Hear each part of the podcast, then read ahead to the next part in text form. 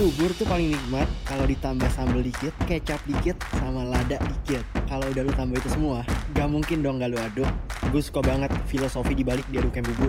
Di antara beragam ingredients di bubur yang berbeda-beda, semuanya dicampur menjadi satu. Itu mencerminkan banyak nilai baik yang ada di Indonesia, seperti toleransi, rasa keadilan bersama, dan tidak memilih-milih.